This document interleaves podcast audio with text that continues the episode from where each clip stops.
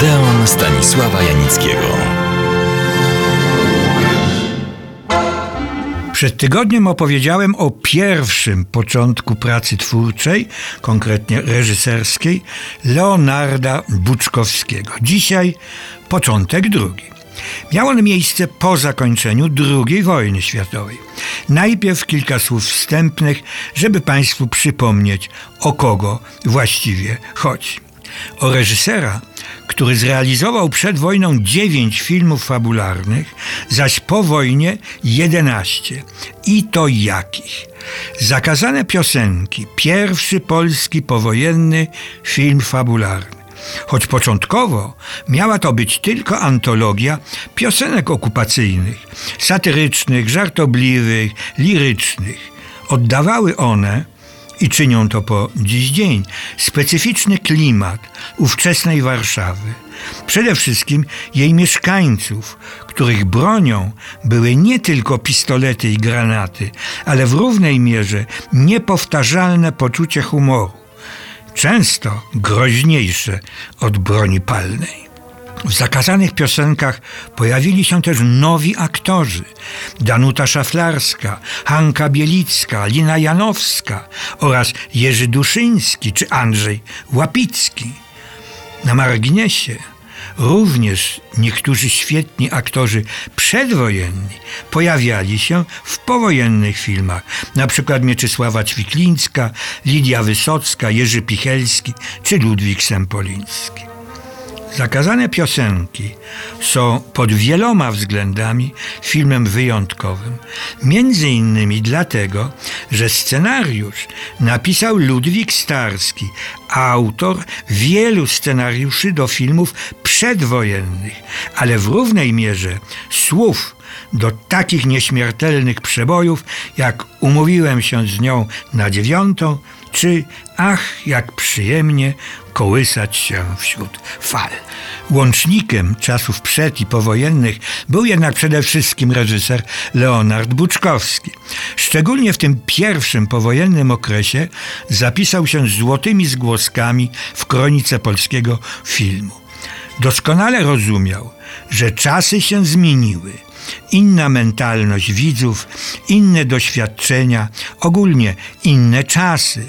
Ale on potrafił w jakiś sposób znaleźć się w tych nowych czasach. Powiem zaraz, z polityką jakąkolwiek nie chciał i nie miał nic wspólnego. I tak powstała komedia Skarb w 1949 roku. Współczesne problemy odwieczny brak mieszkań, wpisany w zwykłe, tak dobrze nam znane sytuacje życiowe. Ludzie się kochają i chcą po ludzku żyć. Ot i całe przesłanie tej znakomitej komedii. Pierwszy start niby socrealistyczny film wychowawczy, ale tak naprawdę wielka przygoda, którą przeżywają młodzi chłopcy zafascynowani szybownictwem.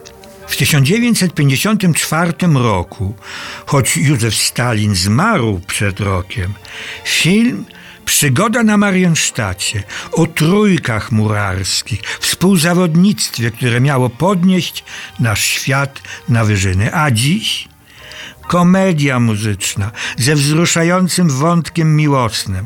On, przodownik murarski, ona, członkini zespołu taneczno-muzycznego, zakochana w nim po uszy i ze wzajemnością. Wtedy żywiołowe występy zespołu pieśni i tańca Mazowsze były tym, co za niedługo występy Rolling Stonesów. Ale w 1956 roku Buczkowski zrobił film na tamte czasy niezwykły. W sprawie pilota Maresza wziął w obronę tych, którzy walczyli o Polskę na zachodzie i wrócili do kraju, w którym często byli przez władze postponowani. Leonard Buczkowski zrobił wiele wartościowych filmów o na przykład okręcie podwodnym Orzeł, który mimo rozlicznych trudności dopłynął do aliantów i brał udział w walkach na Morzu Północnym. Filmem moim zdaniem poruszającym, choć gorzkim, jest Buczkowskiego Przerwany lot z 1964 roku. Mgła zatrzymuje na warszawskim lotnisku radziecki pasażerski samolot odlatujący do Moskwy. Pilot Wowka korzysta z okazji i jedzie do wsi podwarszawskiej, gdzie ukrywał się w czasie wojny. Wracają wspomnienia miłości do Ulki, której zawdzięcza życie. Spotyka ją teraz jako mężatkę. Wowka i Ulka przekonują się, że nigdy nie przestali się kochać, ale zmienić swego losu nie mogą. Ona ma męża, którym musi się opiekować. On żonę i dwoje dzieci. Następnym i ostatnim filmem Leonarda Buczkowskiego była, to ciekawe, komedia historyczna Marysia i Napoleon. Przypomnę ją. Francuski naukowiec Napoleon Béranger, Gustaw Holubek, zatrzymuje się przejazdem w Walewicach, gdzie poznaje piękną studentkę Marysię, Beata Tyszkiewicz, łudząco podobną do pani Walewskiej. W wyobraźni przeżywa sławny romans cesarza Francuzów z piękną Polkę od Poznania po narodziny syna i odejście Napoleona. Okazuje się, co chyba nie jest niespodzianką, że Napoleon Béranger i Marysia pokochali się. Leonard Buczkowski był reżyserem i człowiekiem kulturalnym, wrażliwym, nie narzucającym się. Robił to, co uważał za potrzebne widzom i sobie.